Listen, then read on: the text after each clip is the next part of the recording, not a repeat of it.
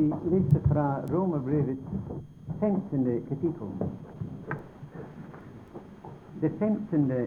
kapittel i Romerbrevet og det 13. vers. Men håpets Gud fylde eder med all glede og fred i eders tro, så I kan være rike på håp ved Den hellige ånds kraft. At, men håpets Gud fyller eder med all glede og fred i eders tro, så I kan være rike på håp ved Den hellige ånds kraft. Nu, det lille vers her er egentlig avslutningen av romerbrevet. Alt det andre som kommer i romerbrevet, er mer eller mindre personlige bemerkninger og personlige hilsninger til de forskjellige hellige. Men det her er som sagt avslutningen av brevet. Det er som når en, en Herrens tjener taler over noe som var vektig og har ligget ham meget på hjertet, og han følte tyngden av det han talte. Og ved slutten av talen, da beder han. Han gjentar det han har sagt, og han beder at Gud skal gjøre det levende og virkelig for hjertene av den som trodde, eller som hørte. At det her er målet som apostelen leder det hellige til igjennom hele romerbrevet. Jeg tror alle her i aften, iallfall jeg håper at alle vet, at hvert brev i Det nye testamentet har et mål. Det ene har et mål som Den hellige ånd vil lede våre hjerter til, og det andre har et annet mål. For eksempel i Hebreerbrevet Målet som Den hellige ånd leder våre hjerter til, har vi i det tiende kapittel, og fra det nittende vers. Han taler om en åpen himmel. Han taler om de vidunderlige ting som den Herre Jesus gjorde, og at han har gått inn i helligdommen for å fremstille seg der for Gud åsyn for vår skyld. Og når vi kommer til det tiende kapittel og det nittende vers, da sier han nå er alt sammen ordnet, og det siste offer er blitt ofret.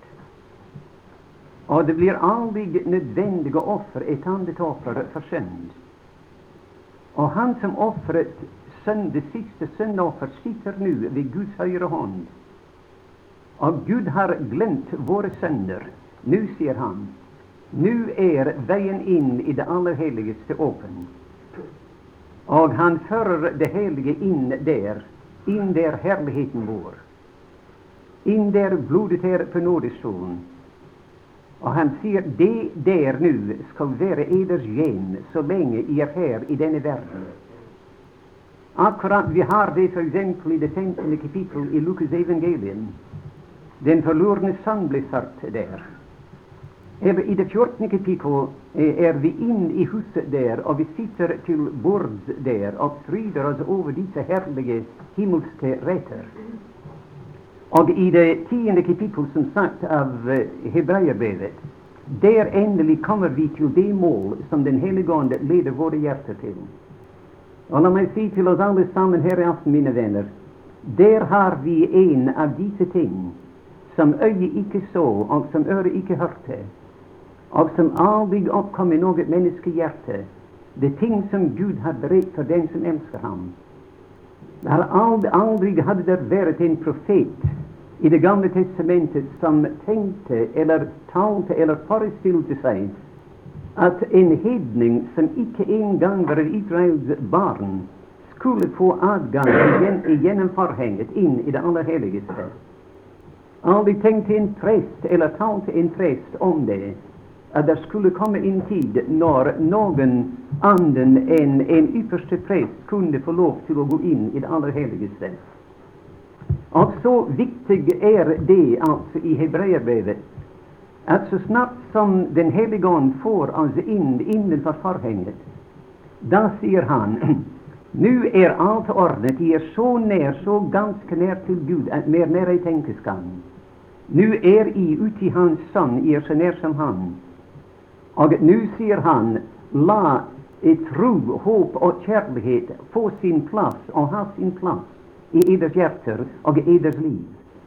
At disse tre kristendommens tre store dyder skulle få sin plass i vårt liv eh, når vi kommer inn altså, i det aller helligste.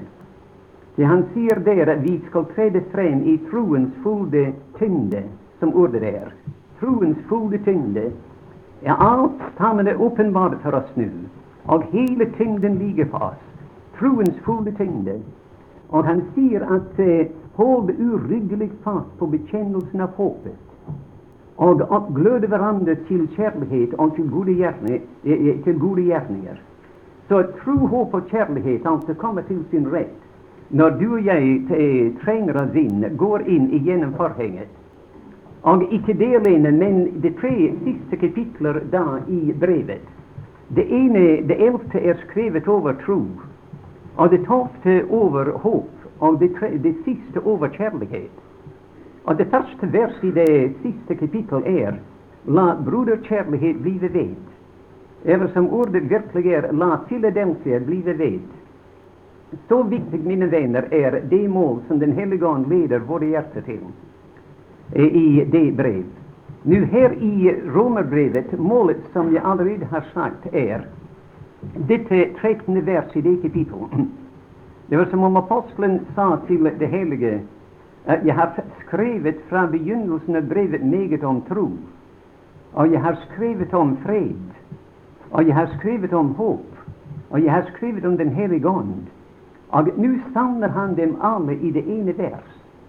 Og han sier nå vil jeg at de skal være ikke bare kunnskapsforræder, men at det skal være leven, en levende, virkelig erfaring i eders sjele. Han sier og håpet Gud fylde eder med all glede og all fred i eders tro, så I kan være rike på håp ved Den hellige ånds kraft. Bare tenk, mine venner, før vi går altså eh, til andre vers. Bare tenk nå nøye over det vers, altså, mens vi sitter der at håpets Gud fyller eder med all glede. Tenk all gleden. Det finnes ikke en millionær i denne verden som ikke er troende, altså, som vet hva det er. Han sier jeg er fremmed for det, for denne all glede. Men du og jeg har denne, iallfall vi burde ha lidelsen av all glede. Altså gleden i Herren, som vi leser om. Og glede eder i Herren, som apostelen skriver i Filippenserne 4.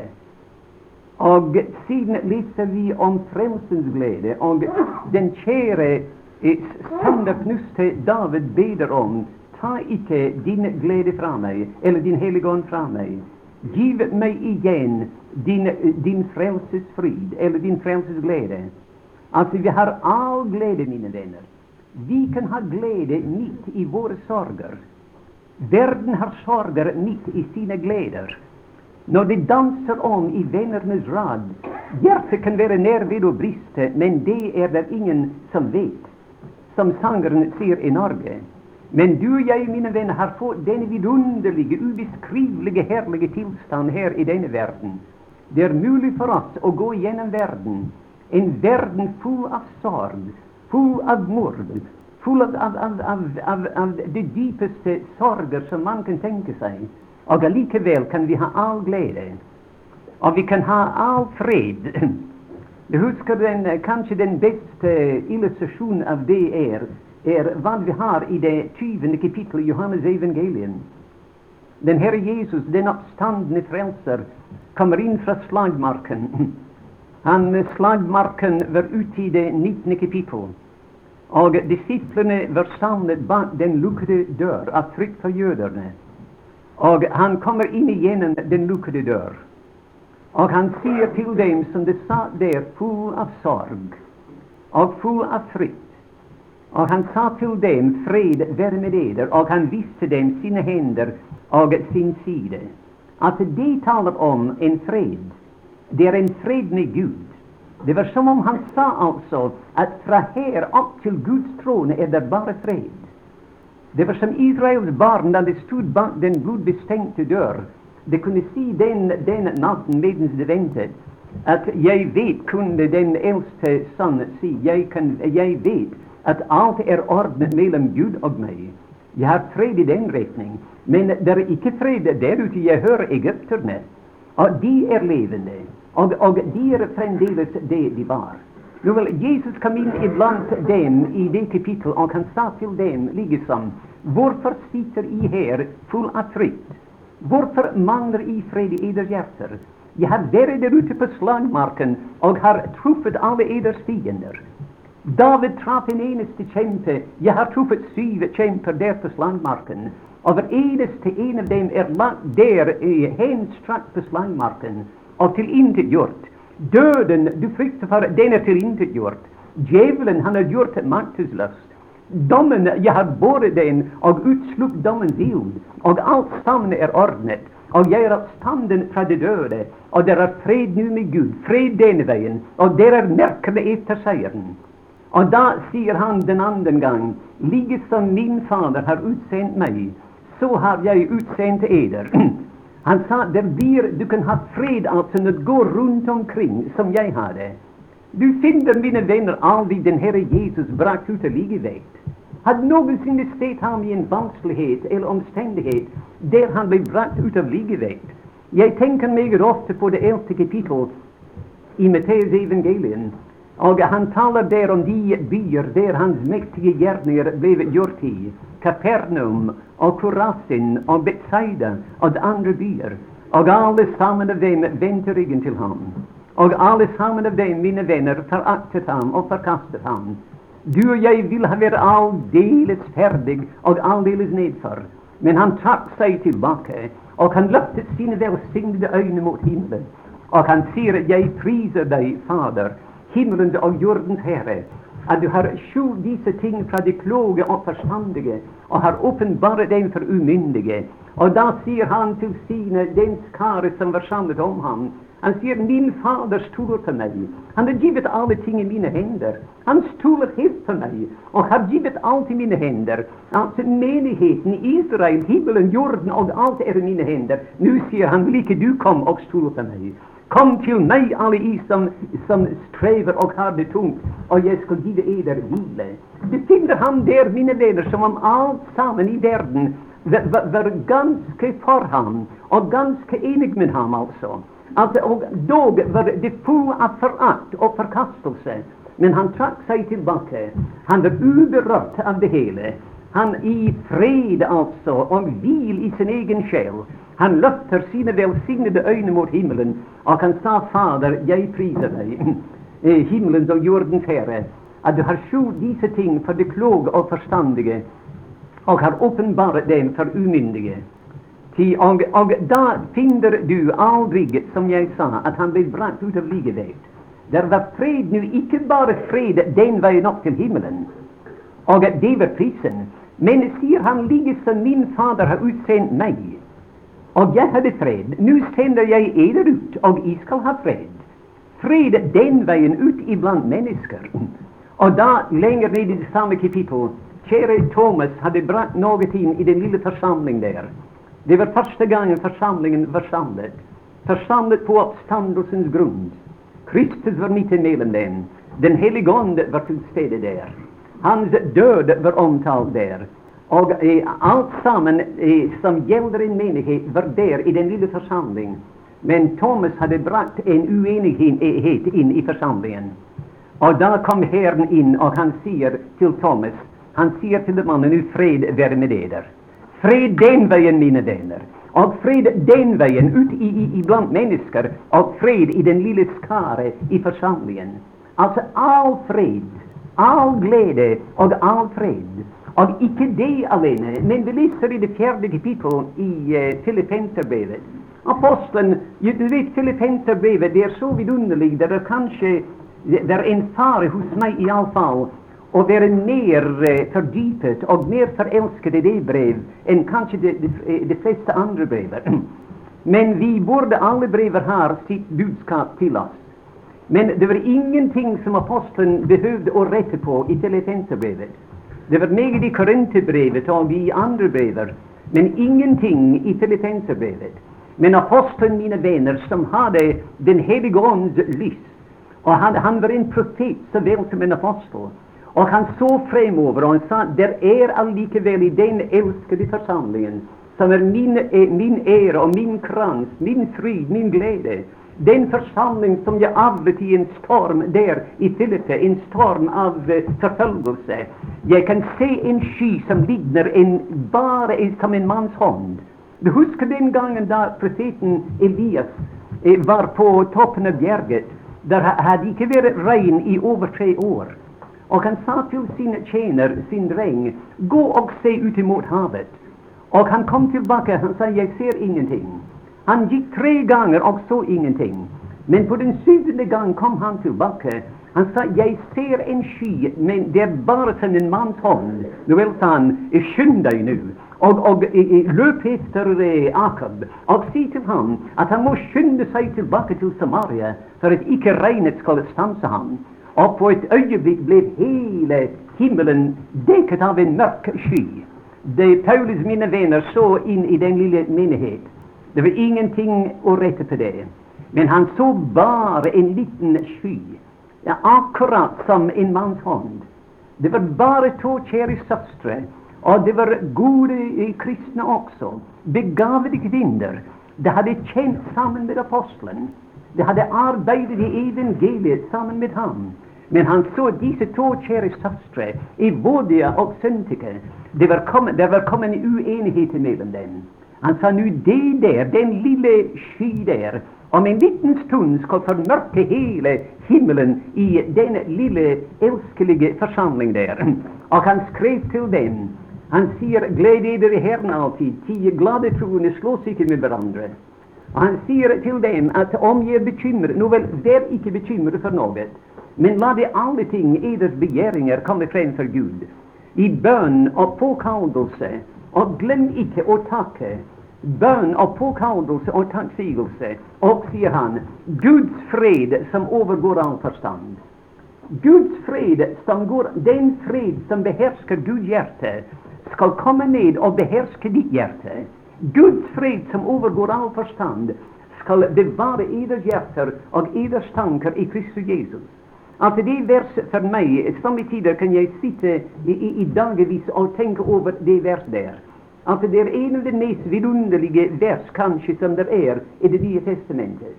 Tenk for et øyeblikk, mine venner, at den tilstand i hvilken Gud er Gud er i en tilstand av fred. Han er ikke bekymret angående vannstoffbomber og det andre atombomber og alt det som foregår i verden nå. Og han er ikke bekymret angående virkningen av rakettene og disse ting. Han sitter der, mine venner, i en tilstand av fullkommen fred. Men tenk for et øyeblikk, mine venner, at du og jeg som er her i, i, i en ørken, du og jeg som bare er feilende, snublende mennesker, vi kan ha Guds tilstand her i, i denne verden. Og vi kan gå igjennom denne verden i den tilstand i hvilken Gud er. Fred, mine venner, Altså, der, den fred, der, der fins ikke fred i verden i dag.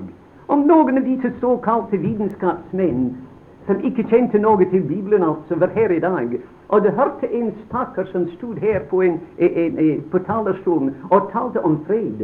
De ville kanskje si til meg du vet ikke hva du taler om. Om du visste hva jeg vet, da ville de ikke tale om fred i denne verden. Men gudskjelov, mine venner, vi har hemmeligheter som er skjult for verden. Vi har fred med Gud ved vår Herre Jesus Kristus. Vi har fred når vi reiser omkring ut og inn iblant menneskene. Vi har fred, håper jeg inderlig, i forsamlingen iblant de troende. Og da i vår egen sjel her, vi nyter Guds fred. At det ord 'bevare' der er et militært uttrykk. Jeg så i dag da vi var der borte og spiste Jeg så det var antagelig slottet, iallfall et viktig sted. Der gikk en taus der soldat frem og tilbake. Han hadde geværet og alt i, i, orden. Og han gikk frem og tilbake. Han var en skyldevakt, altså. Nå vel sier apostelen at om du beder til Herren, og om du påkaller ham, og du, du, hjertet er full av takksigelser, da skal Guds fred, som overgår all forstand, det skal bevares som en skyldevann til eders hjerter og tanker i Kristus Jesus. Det skal simpelthen si til alle uvedkommende tanker at det er ingen adgang her. At uh, bekymringer og slike ting Det er ingen adgang her. Og den sjel, mine venner, har Guds fred i sitt hjerte. Og må Gud da fylle oss med denne tilstand. Så apostelen beder her, det er, det er en bønn altså, at håpet til Gud fyller eder med all glede, med all fred i eders tro, så I kan være rike på håp, som du ser fremover inn i fremtiden.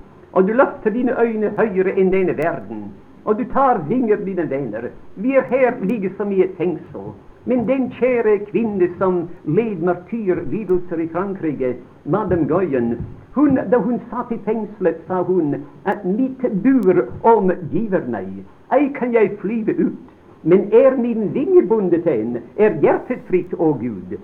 Feng, min fengselsmur dog hindrer ei, min sjel å flyve opp til deg. Så vi ser fremover inn i fremtiden, og vi kan være rike på håp ved Den hellige ånds kraft. Men nå, der sitter noen her i aften etter denne ville innledning, og kanskje sier den unge troende og andre det, om det er målet i romerbrevet, da skal jeg begynne, og jeg skal skynde meg mot målet. Til noe så vidunderlig som denne tilstand har jeg aldri hørt om. At det var mulig for en sjel her å, nyte disse ting, hadde jeg aldri anet. Og nå skal jeg begynne, og jeg skal skynde meg mot målet. Se for eksempel at her var det en uomvendt, eh, et uomvendt menneske. Se for eksempel at tre mennesker står ved begynnelsen av romerbrevet som i virkeligheten er tiltalt. Det er det mennesket vi leser om i det første kapittel, fra det 28. vers. Og jeg vil ikke lese, mine venner, den delen av uh, det kapittel i denne forsamling i dag. Altså, jeg føler jeg ikke kan lese det. Det beskriver synden på en sånn måte. Forresten var en gang en misjonær i Kina, og han, uh, han stod opp i en forsamling og leste det første kapittelet i Romerbrevet. Og da han var ferdig med å lese det, da stod der en kineser opp, en hedning altså, han var ikke troende. Og han sa det var en stor skam at disse utenlandske djevler, som de kalte misjonærer, kommer her til vårt land, og de lærer våre hemmelige sønner å kjenne. Og de skriver dem i en bok, og de, da leser de dem opp i en offentlig forsamling. Så levende var det for denne kineser, altså. Det er den første av disse tre slags som jeg taler om, tre slags mennesker. Det andre er i det, i det andre kapittel. Da sier Paulus, men hvem er du og mennesker som dømmer andre? Og du dømmer disse stygge mennesker, men du er ikke bedre selv. Du er ikke troende. Det tredje slags var denne jøde, og han sier til den at I jøder, I har formen, sannhetens form i loven, og I kan lære og undervise andre. Disse tre mennesker, mine venner, står ved begynnelsen av romerbrevet, og de ser fremover til det mål, og som de ser det, da sier de det er aldeles ubeskrivelig herlig. Nå skal vi sannelig begynne. Vi er trett av verden, og trett av, av, av synden. Trett disse ting og, ja, og jager etter og finner glede og fred. Nå skal vi, ja, vi, vi skal skynde oss imot målet, og det begynner å skynde seg imot målet. Plutselig blir det stanset. Den første hindring som stanser den på veien til målet, har vi i det tredje kapittel. Det begynner med det, det tiende vers, og det går ned der inntil vi leser der at hele verden, at den dyptsunken sønder i det første kapittel, disse noenlunde bra mennesker i det andre kapittelet, de religiøse jøder i det tredje kapittelet, og alle sammen blir stanset. Og denne fariseer eller jøde ser på det andre og sier til dem det er merkelig. Jeg trodde jeg hadde en anledning fremfor eder. Jeg trodde jeg kunne komme frem til målet eh, eh hurtigere enn eder. Men nå ser jeg her, det står skrevet over der det er ingen forskjell. Alle har syndet og fattet Guds. Og der står det, mine venner, når de kommer inn i denne rettssal, og det står der hver eneste en av dem har en lukket munn. Det kan ikke tale et ord. Det er just som det var da Job skrev i det niende kapittel. Om jeg skulle svare ham, sier han, da kunne jeg ikke svare til ett av tusener. Jeg, jeg måtte tie stille altså i hans nærværelse. Og der stod de alle sammen. Denne mur, mine venner, eller denne hindring som stanser den på veien til målet, det var at alle har syndet og, eh, og fattet Gud ære. At det er ingen forskjell. Alle er den, i den samme tilstand. Alle er utelukket. Det står der, og alle sammen av dem har en lukket munn. Det kan ikke si et eneste ord til sitt forsvar. Det står der. Men den, denne hindring, altså, så viktig er det at vi kommer over den. Og så viktig er det at vi vet at vi er kommet over den, i, altså på Guds måte, at apostelen skriver omtrent tre kapitler over det. Han sier der i det 24. vers i det tredje kapittel i det blir eh, rettferdiggjort, vi blir rettferdiggjort uforskyldt eller uh, uten årsak, som ordet der. Uh, I det vi blir rettferdiggjort uten årsak av Hans nåde, Hans nåde, hva er nåde, mine venner? Og du sier det er noe uh, vi skal prøve å, å, nå frem til. Nei, er, du, du, begynner ved den gale enden altså, av, av forklaringen. Det er ikke noe som vi skal prøve å nå frem til. Nåden kommer ned, mine venner, fra himmelen. Det er ikke at vi skal opparbeide oss til noe. Nåden kommer ned. Jeg skal si deg hva nåden er.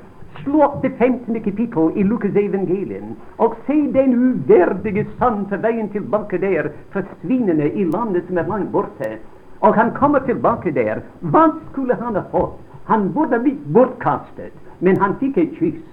Han burde, mine venner, ha blitt holdt utenfor, men han får en herlig mottagelse der i hjemmet. Og der sitter han til bords med den beste kledning på. Det er nåde, mine venner. Og det var uten årsak. Altså, nåde er en ting som man ikke kan tjene. Jeg tenker nå når jeg uh, sier det Den gangen i England for uh, mangfoldige år siden, altså da dronning Elisabeth uh, den første levde Det var en ugudelig dronning i Skottland, dronning Marie. Hun var katolikk, og hun var virkelig et, et stygt, dårlig menneske. Hun hadde flere mord på sin samvittighet. Hun ble tatt til fange og dømt til døden av Elisabeth. Og eh, en av hennes tjenere, en kvinnelig tjener, sa at 'jeg skal hevne min dronnings blod på dronning Elisabeth'. Hun, altså ble dømt til døden og, og eh, halshugget. Og det var en gang Elisabeth hadde et ball. Og der var en mann der, eller en som var kledd som en mann, som hadde banet seg vei inn i ballet, i det, det her hoffball. Men vedkommende ble mistenkt og ble undersøkt. Og det viste seg at det var en kvinne forkledd som en, en mann.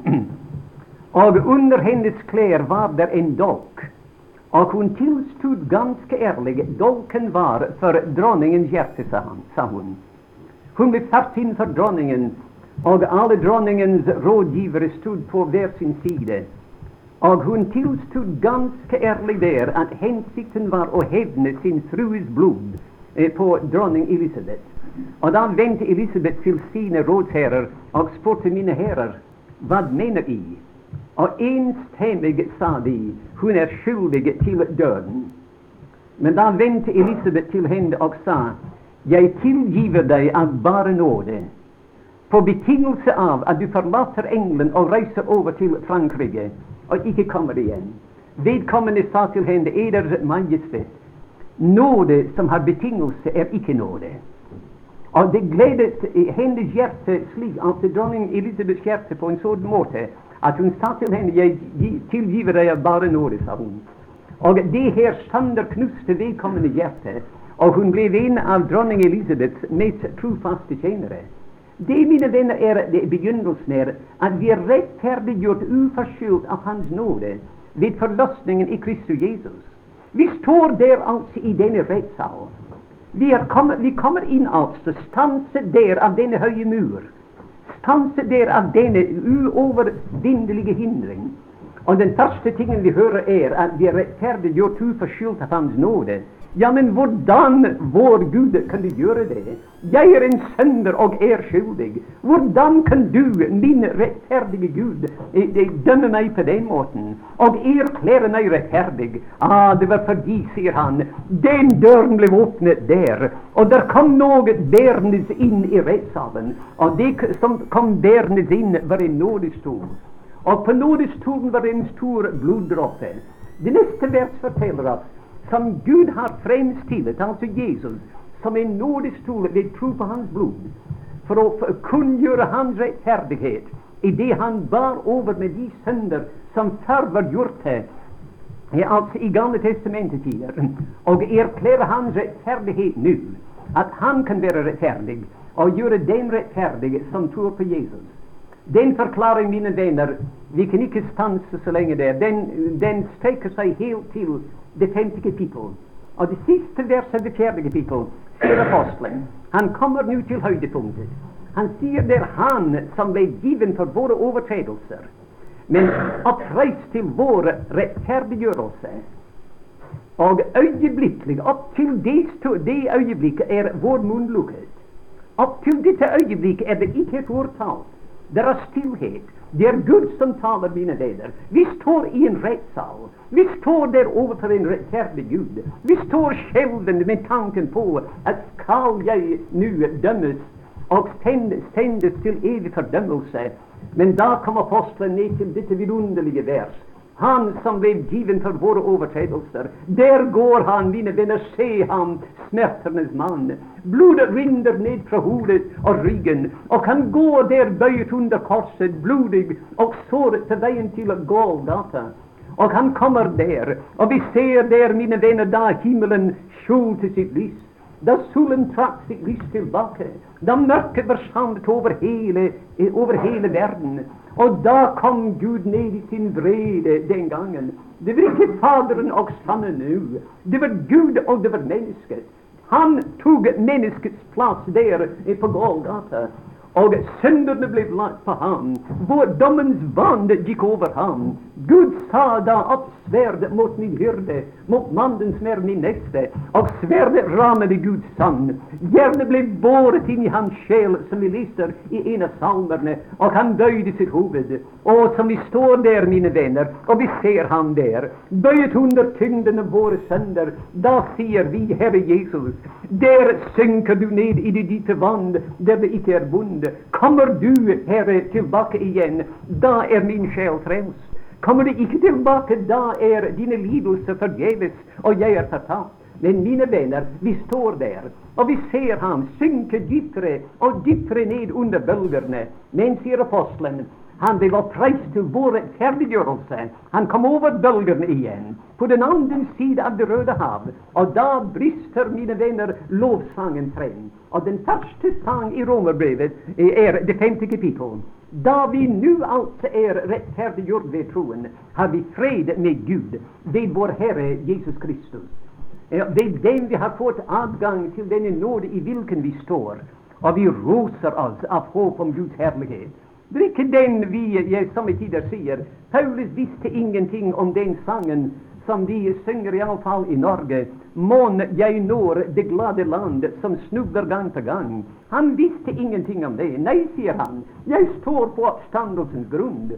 Og nå er det alt sammen bak ryggen min som hindrer meg før. Og jeg ser opp imot en åpen himmel. Se, himmelens dør står åpen. Jeg ser min Faders hjem. Og korset blir ferden. Jeg har ei langt igjen. Til jeg reiser til det gode land. Ved tro jeg har det nådd. Og skue ham som med meg har hele veien gått. Det, mine venner, er den første av disse hindringer er nå tilbakelagt. Ah, vi husker, jeg håper alle her i aften, i, i ettermiddag husker den gangen da vi kom over den første hindring. Husker du, min, min venn, husker du ikke den dagen da du som John Bunyans pilegrim kom til Golgata, til stedet som heter Golgata? Korset var tomt. Og, og, graven var tom fordi Jesus var seierherre. Og som du stod der og tenkte på det, da brast båndene som bandt byrden til deg, og syndebyrden falt fra ryggen din og forsvant i den åpne grav. Og da kunne du synge som pilegrimen sang. Å, hvilket sted er dette? Begynte skulle her min salighet. Her briste båndet, byrden falt av. Å, der velsignet kors, velsignet grav, men mest velsignet eh, han som derfor leder for meg. De tre der, eller eh, de eh, to vers der, eh, eller tre vers i begynnelsen av Romerne 5, det, det, minner meg alltid om en annen del av John Bunyans pilegrimsvandring. Da pilegrimen kom forbi korset og graven, han, kom, han klatret over bjerget vanskelighet. Og da kom han til et slott som heter Skjønnhet. Og skjønnhet antar jeg han mente Gud ord, altså, med de mange deilige værelser. Og han ble eh, mottatt der og fikk en herlig mottagelse.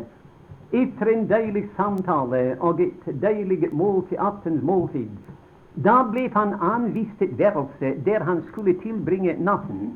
Og værelsets navn var Fred. Og han lå der i værelsets fred. Værelsets fred hadde et eneste vindu, og det så ut imot østen.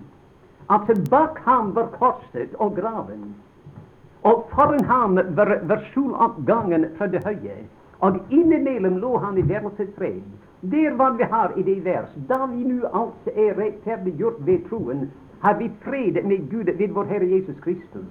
Ved dem vi også har fått adgang til denne nåde i hvilken vi står. Og vi roser oss av håp om Guds herlighet. Så da han våknet om morgenen, der i dette deilige værelsesfred, han sier 'Å, Jesu kjærlighet'. Således, således sørger du for arme sjeler. Jeg tilgives, og på dette sted, så nær til himmelporten alt tør dvele. Og der hviler vi i verdens fred. Og vi ser ut imot til Østen, altså. Og vi sier Herre Jesus, kanskje er det i dag. Eller som vi legger oss om natten i denne tilstand, vi sier kanskje Herre, jeg skal sove og vågne ganske, ganske nær til perleporten. Ganske nær til Faderhuset. Gud give mine venner at det var så.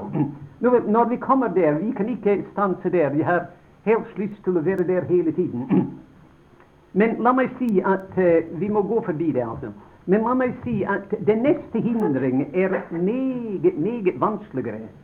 Og en hindring som man har tvilet mange ganger på om han noensinne kunne komme over. Den neste hindring altså er i det sjette kapittel. Du vet, i det, opp til det femte kapittel, det jeg har talt om, det var et spørsmål om våre sønder. Og det er på en måte forholdsvis lett eh, for oss, altså. Forholdsvis lett. Vi sier til denne stakkars synder som er bekymret og gjerne ville komme til målet. Vi sier 'Hva ser du der borte?' 'Å', sier han, jeg, ser, jeg ser et kors'. Eller det er eh, just som disse som var i ørkenen den gangen. Og der går vi ut i ørkenen og ser en ung mann døende der. En ung mann bitt av slanger. Og vi sier, kan du ikke se der borte? Og vi løfter hans hode høyere og høyere. Og vi prøver å, å hjelpe hans øyne. Å, sier han, jeg ser det, jeg ser det. Han så kopperslangen. Og du og jeg så Jesus korsfestet. Korsfestet for oss på korset. Og da faller byrden av. Og da kan vi synge. Vi kan synge den sangen altså. Nå er jeg rettferdiggjort ved troen, og jeg roser meg av håp om Guds herlighet. Det er forholdsvis lett. Men i det sjette kapittel, mine venner, det er hindringen der er ikke sønderne. Det er ikke søndernes forlatelse. Det som hindrer oss i det sjette kapittel, er synden som bor i oss. Og det er ikke den lette ting å, å bli befriet fra. Jeg hørte om en, en mann i, uh, en mann som mente at det som hindret ham i å bli befriet fra synden som bodde i ham ah, Du kjenner hva, du forstår hva jeg mener. Alle de anfektelser, alle de fristelser, alle de stygge tanker, alle de lyster og, og, som så ofte skjønt vi prøver og vi anstrenger oss for å bli befriet fra det, at vi, vi kan ikke. Og det er så grusomt at mange kjære troende har spurt er jeg i det hele tatt en kristen. Og er jeg en troende, hvorfor da alt dette her? Nå vel, Denne mann som jeg nevnte, han, han, var, han mente at årsaken var de folk som bodde rundt omkring ham. Det var disse verdslige mennesker, syndige mennesker, og bare han kunne komme vekk fra dem, da var saken ordnet. Han satte sine tanker i, i virksomhet, og han tok med seg en pakke mat, og han tok en krukke med vann, og han gikk langt, langt utenfor byen. Han sa det siste farvel til byen, altså, og priset Gud over at han var befriet nå. Han kom inn i en, dypt inn i en skog, laget seg en liten hytte der i skogen, og, og hvor han frydet seg, mine venner, at nå var han befriet. Og den første ting han måtte gjøre, naturligvis var han måtte takke Gud for det. Men idet han falt på kne for å takke Gud for befrielsen, da kom foten hans i berøring med vannkroken, og vannet spiltes på jorden, og der kom noe over hans lever som var verken takk eller pris, eh, eller takksigelse. Og mannen lærte mine venner til han stod opp skamfull for sine kne, tok den tomme vannkroken og den pakke mat han hadde med seg, og han vendte tilbake til byen igjen. Han lærte mine venner at den mannen som var årsaken til det hele, var ikke mennene som bodde der i byen. Det var en mann som bodde her inne, som han ikke kunne si farvel til og, og reise ifra og forlate ham. Nei, det eneste ting, mine venner, det er ikke forlatelse. Du får ikke forlatelse for synden som bor i deg. Det er ikke synderens forlatelse. Det eneste ting som passer for det mennesket, den eneste befrielse fra Synden som bor i oss, er døden. Det er alt. Det er døden. Og, sier den unge troende, og da må jeg utholde det her inntil jeg dør. Nei, gudskjelov, mine venner, det er ikke din død jeg taler om. Skjønt, det er din død på en måte. Men det som apostelen lærer oss i det sjette kapittel og det syvende kapittel, er at da Jesus hang på korset og døde, da døde han ikke bare for deg, men han døde som deg. Og da han gikk inn i graven, han gikk inn i graven ikke bare for deg, men som deg. Da Gud så ned på deg da, på korset, da så han din død der og din grav der. Og da naturligvis, da han ble levende, ble du levende med ham. Og når hans død, eller den måten Gud betrakter deg, Gud betrakter deg som døde med Kristus.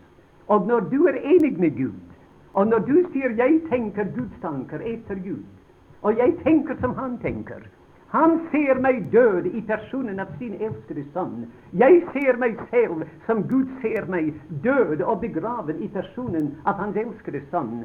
Og vi inntar plassen av døden. Nå vel, da kan du si, mine venner, og si med rette som det står lenger ned i kapittelet, at at eder derfor for, som døde for synden, men levende for Gud. Når f.eks. neste gang at der kommer melder seg altså den tanken nå skal jeg ha denne løpende romanen eller, eller disse bøker som jeg er så glad i, at, som du vet selv, mine venner, i, i, bedrøver Guds hellige ånd. Du har, du har rett til å si 'jeg er død for det'. Det kan melde seg så mange ganger som det vil, men det sier 'jeg er død for det'. Neste gang der, der kommer den trang over deg 'Nå skal jeg ha en del eh, eh, eller tobakk eller noe slikt'. Du kan, du kan si jeg, 'jeg er død for det'. Jeg kan ikke besudle Guds hellige ånds tempel. Det er et tempel for Den hellige ånd. Kristus bor i meg. Kan jeg da behandle Guds tempel på den måten? Det burde være ren, mine venner. Guds tempel er det sted der det går lovprisning opp til himmelen. Vi burde gå hele dagen, mine venner, syngende disse vidunderlige sanger som vi går igjennom livet. Guds tempel er det sted der det er daglig lovprisning til Gud. Nå vel, Det er på den måten, for eksempel vi leser i det sjette eller det syvende vers, at den i det sjette kapittelet altså, den som er død, er rettferdiggjort fra synden, ikke synder. Vi er rettferdiggjort fra synder da vi trodde på den Herre Jesus. Vi, vi er rettferdiggjort fra synden når vi er død. Når du, jeg sier 'nå ser jeg', å gudskjelov, nå ser jeg meg selv. Jeg ble drept der. Det var min død der. Jeg er død med Kristus. Død fra verdens sender, død fra verdens fornøyelser, død fra de ting som er her i denne verden, død for selve og alt sammen. Om enn jeg har kamp med dem fremdeles, men jeg inntar min plass som død. Den som er død, er rettferdiggjort fra synden. Det er som Jeg tenker ofte på det kapittel, altså, eller et, en troende. Han en, det er noe som bor i ham, som er en slavemester. Og denne slavemester, han står opp en morgen, og han skulle begynne å piske denne slave, eh, sin slave altså til alle disse stygge ting. Men sier han sannelig, der ligger min slave død. Han ligger død. Den som er død da, her, er rettferdiggjort for synden. Du husker Abraham da han kom fra sitt land, da herlighetens Gud kalte ham fra sitt land og sitt folk og sin faders hus. Og han skulle være en pilegrim. Men tenk, mine venner, det var det gamle mennesket som begynte å lede og føre an. Abraham ble kalt, men gamle Tara gikk foran og ledet veien. Gud hadde ikke kalt Tara. Tara kunne ikke være en pilegrim. Og tar ledet veien til det sted som heter Karan. Og Karan betyr mitt bjerg, altså ikke Herrens bjerg. Og eh, eh, Tara ville ikke, være, ville ikke gå lenger. Han bodde der. Og så lenge han var der, mine venner, var Abrahams pilegrimsvandring eh, ferdig. Han kom aldri inn i det gode land. En morgen stod Abraham opp, og han sa, men sannelig, der ligger det gamle mennesket. Han er død. Og, da han døde, det gamle mennesket, da begynte Abraham. Og det neste eh, sted vi finner ham, er inn i det gode land. Abraham gikk inn til det land som flyter med melk og honning. Gikk på veien, mine venner, til, til Herrens bjerg. Og å, det vidunderlige ting som han så derfra. Tre ganger leser vi han oppløftet sine øyne, og det vidunderlige ting han så. Når du, mine venner, og jeg ikke bare er frelst fra våre synder her, men når vi inntar vår plass som døde for verden og synden og loven og disse ting, og da, når vi ligger som står opp som oppstandende mennesker, da kan vi se klart hva ser vi, mine venner? Å, vi ser den stad som hadde faste grunnvolde, og hvis byggmester og skaper Gud er. Vi ser opp igjennom den dør som Jesus ikke lukket etter seg da han gikk inn i himmelen. Og vi ser en trone der. Og vi ser oss selv sammen der, som det skal være om, om en liten stund. Og vi begynner allerede her å synge 'Verdig er som ble slaktet', og som kjøpte oss til Gud ved sitt blod. Nå bare noen tanker eh, til. Den, det meget, meget mer kunne sies om det og det syvende kapittel. Du vet at i det syvende kapittel er vi døde for loven. Og du vet at eh, i Norge iallfall Jeg kjenner ikke til Danmark. Men i Norge er det mange predikanter som sier om vi skal predike et, et fyldig evangelium, må vi predike naturligvis både loven og nåden. Loven og nåden. Men det ville være merkelig, dine venner. Når loven altså, Da begynner Gud her nede og sier du skal elske meg og arbeide til meg. Nåden begynner der oppe og kommer ned til oss. Det er to himmelvidt forskjellige prinsipper og systemer. Og en annen ting, loven ble givet to ganger. Du husker da loven kom ned fra bjerget første gang i det 20. eller eh, 19. og 20. kapittel i annen Mosebok. Du husker, det var bare lov, det pure lov. Og det kom ned til ørkenen, og 3000 mennesker døde under lovens forbannelse. Men i, i det 34. kapittel i den samme bok, da sa Herren til Moses du skal ta to stentavler, liksom det første, og komme opp til meg. Og da han gikk opp på bjerget, da kom Gud ham i møte. Og vet I, mine venner, hvordan Gud kom ham i møte? Hvorledes han kom. Han kom på den måten. Gud, Herren nådig og barmhjertig og langmodig. Han kom med nåde imot ham, og barmhjertighet og godhet imot ham. Og da han Moses på bjerget der fikk ikke bare loven, men han fikk også nåden. Til ellers kunne Israel aldri ha eksistert med bare loven. Og da kom han ned. Nå vel, apostel, det var det jeg skulle si. Apostelen Paulus taler om denne sammenblanding av, av nåden og loven i det tredje kapittel i andre Korintier. Og Han sier da Moses kom ned, og han måtte dekke sitt åsyn Han sier at det var dødens tjeneste, og det var fordømmelsens tjeneste.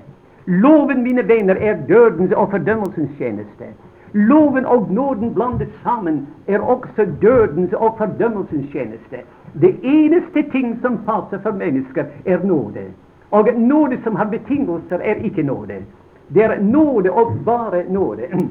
Nå vel, det, er det vi har i det syvende kapittel, altså, der finner vi at vi er død altså for, for loven så vel som for sønnen.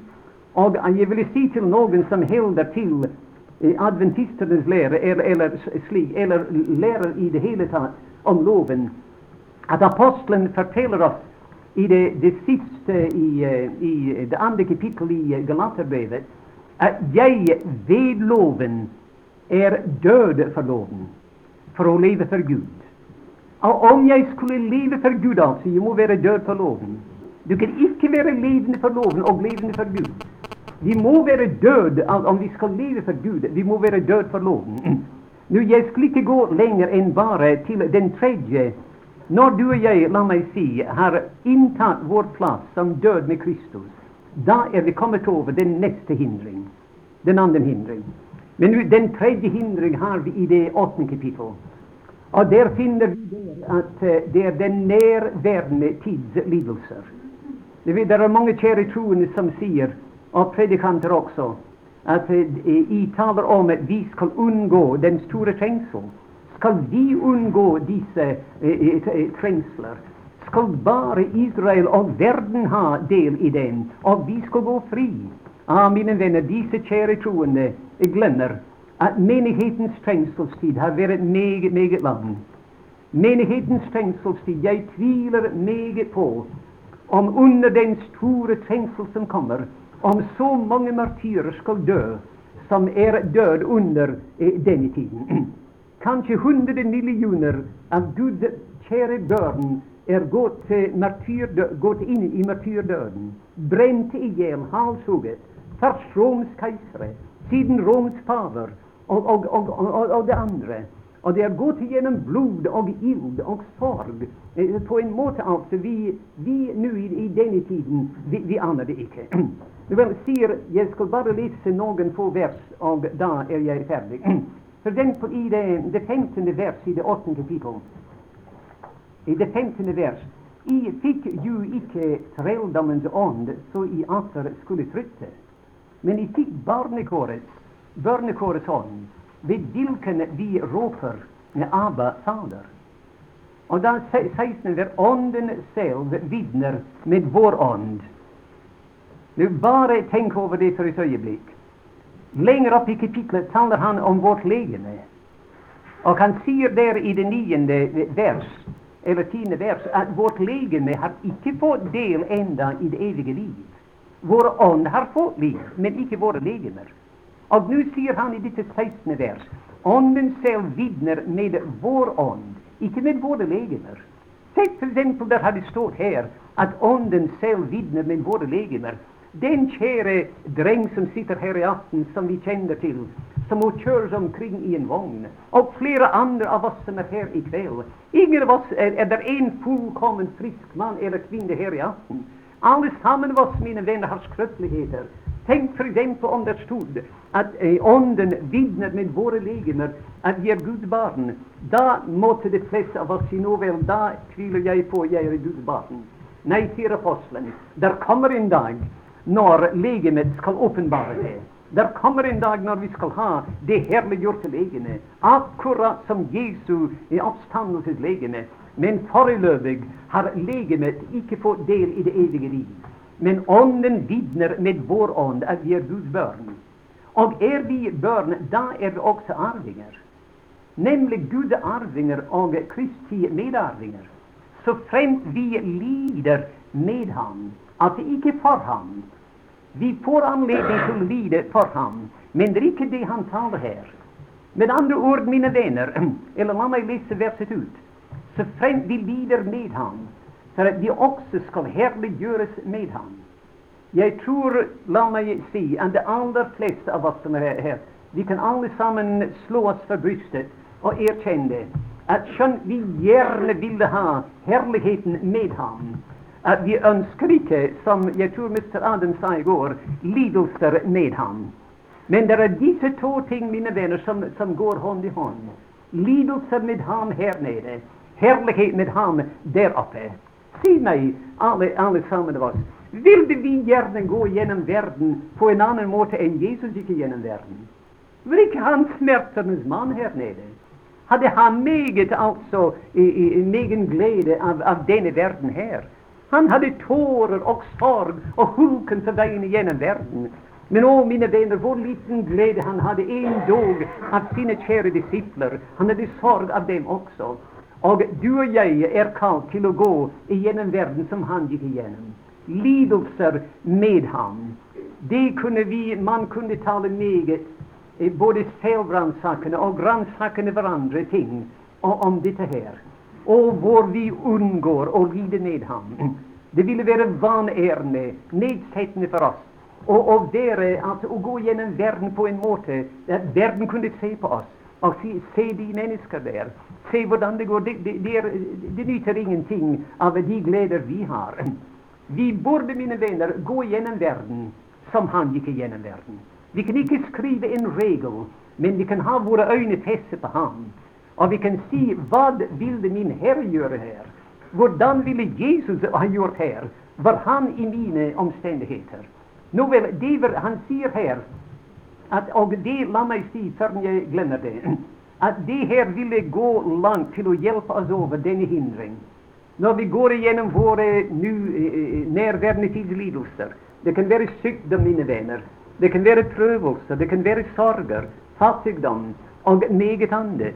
Eller skrøpeligheter og når vi kan si, som den lille pike sa i, i, i London Hun var på en, en, en døv, skole, og det var noen som skrev på en tavle Følte hun ikke det merkelig at hun gikk på den måten? Da andre små piker sprang omkring og lekte og kunne nyte livet? Hun tenkte et øyeblikk, og hun tok eh, krittet, og hun skrev fordi det, det behaget deg, min fader fordi det var godt i dine øyne, min Fader. Fordi det, var, det behagede Faderen, det behagede henne. Og du og jeg burde være i denne tilstand. Jeg, jeg, jeg, det er gjennom mange sjeleøvelser og sjelekamper at vi kommer til et sånt liv. Nå, men nå les litt lenger ned i kapitlet. Der er vi kommet over altså disse nærværende tidslidelser. Nå vi leser i det, i det 20. vers men, eh, 26. vers. Men i like måte kommer også Ånden vår skrøpelighet. Han sier ikke skrøpeligheter, men skrøpelighet. Hva var denne skrøpelighet? Han sier, han sier her i like måte kommer også Ånden vår skrøpelighet til hjelp. Vi vet ikke hva vi skal bede om slik som vi trenger. Men Ånden selv går i forbønn for oss med usigelige sukker. Nu, hva, mine venner, er denne skrøpelighet? Som Ånden kommer oss til hjelp. Det er vel, veldig vanskelig å bære den. Om du leser det foregående vers som jeg ikke har tid til å lese nå Skrøpeligheten er der, er det at der er hjem, min Faders hus. Jeg venter på legemets forløsning, når også legemet skal få del i det evige liv. Jeg venter på det, men jeg har ikke fått det enda. Jeg venter og vandrer der på den gylne strand, men jeg er ikke der enda. Jeg er her nede i en verden full av motsigelser oppe ørkenens strand her. Men, sier han, det er en skrøpelighet. Men ånden kommer den skrøpelighet til hjelp. Og om enn vi ikke vi ligger der på våre kne, og vi tenker på det, og vi vet ikke hva vi skal si til Faderen. Vi, vi, vi vet ikke hva vi skal bede om. Da går det sukk opp til himmelen. Sukk etter sukk går til himmelen. Og disse sukk mine, disse ordløse bønner Faderen vet det er Ånden som frembringer den. Og Faderen vet hva det betyr. Han kan tolke disse ordløse bønner som Ånden frembringer i mitt hjerte. Og han, han besvarer den og han oppreholder oss. Men, sier han i det 28. vers, at om enn vi ikke vet hva vi skal bede om slik som vi trenger det, dog er det én ting vi vet, og det er vi vet at alle ting tjener dem til gode som elsker Gud, dem som etter Hans råd er kallet.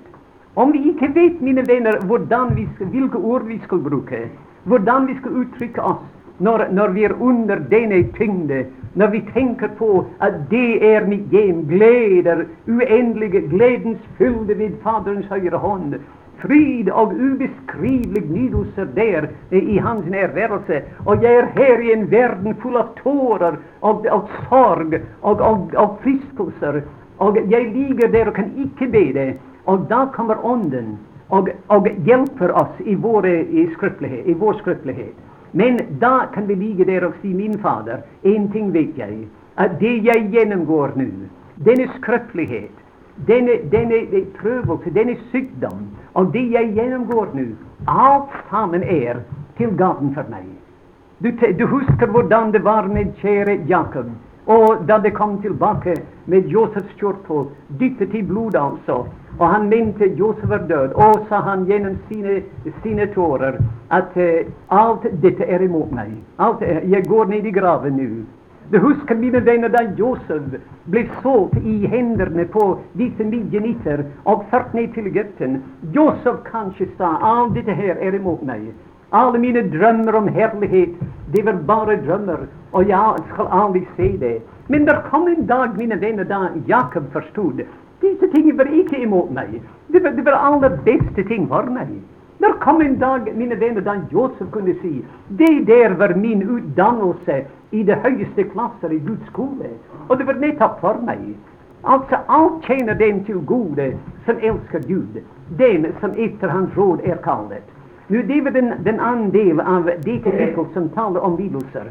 Og det, den tredje delen er når, når vi kommer ned f.eks. til det, tredje, det 31. vers, og apostelen er ferdig med å skrive disse vidunderlige sannheter, at Gud som forutkjente oss, forutbestemte oss til å være likedan med Hans Sønns bilde, og dem som Han forutbestemte, dem har Han kalt. Den som Han kalte, dem har Han rettferdiggjort. Og dem Han rettferdiggjorde, dem skal Han herliggjøre. Er det riktig?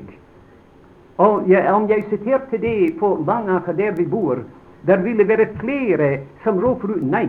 Det er ikke det. Og det er ikke det. Altså den siste delen, herliggjort, er også skrevet i fremtiden, i, i, i fortiden. Dem som han rettferdiggjorde, dem har han herliggjort. Alt sammen er, er fullbyrdet i Guds evige rådslutning. Og da stanser apostelen. Han sier nå hva skal vi da si til dette? Han er ferdig med den delen av brevet altså, som førte opp til disse høydepunkter. Han sier hva skal vi da si til dette? Jo, sier han, den eneste ting vi kan si, er at Gud er for oss. Og er Gud for oss, hvem da? Han sier ikke hva, men hvem, til han vet at det er en person som står bak alt som kommer imot oss. Det er djevelen. Hvem er da imot oss? Og da regner han opp. Du kan gå igjennom disse vers, som ikke jeg har tid å lese. Igjennom den resten av kapittelet, altså. Og du skal finne han regner opp hver eneste tenkelige lidelse. Lidelser, mine venner, naturlidelser og sorger og sykdom og prøvelser fra himmelen, jorden og under jorden. Og han sier det er ingenting i verken himmelen, jorden eller under jorden som kan skille oss fra Guds kjærlighet som er i Kristus Jesus, vår Herre. Er ikke det, mine venner, vidunderlig? Kan ikke du og jeg synge da der eh, broder Mitchell eh, siterte eh, et par ganger om disse eh, deilige sanger som vi synger, og at eh, kan vi synge dem virkelig i sannhet?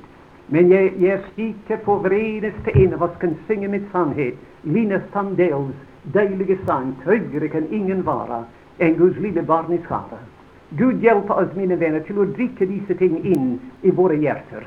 Og når vi kommer over disse tre hindringer på veien, da er vi langt på veien til målet. Målet altså at uh, håpet Gud fylte eder med all glede og all fred i eders tro, så I kan være rike på håp ved Den hellige ånds kraft.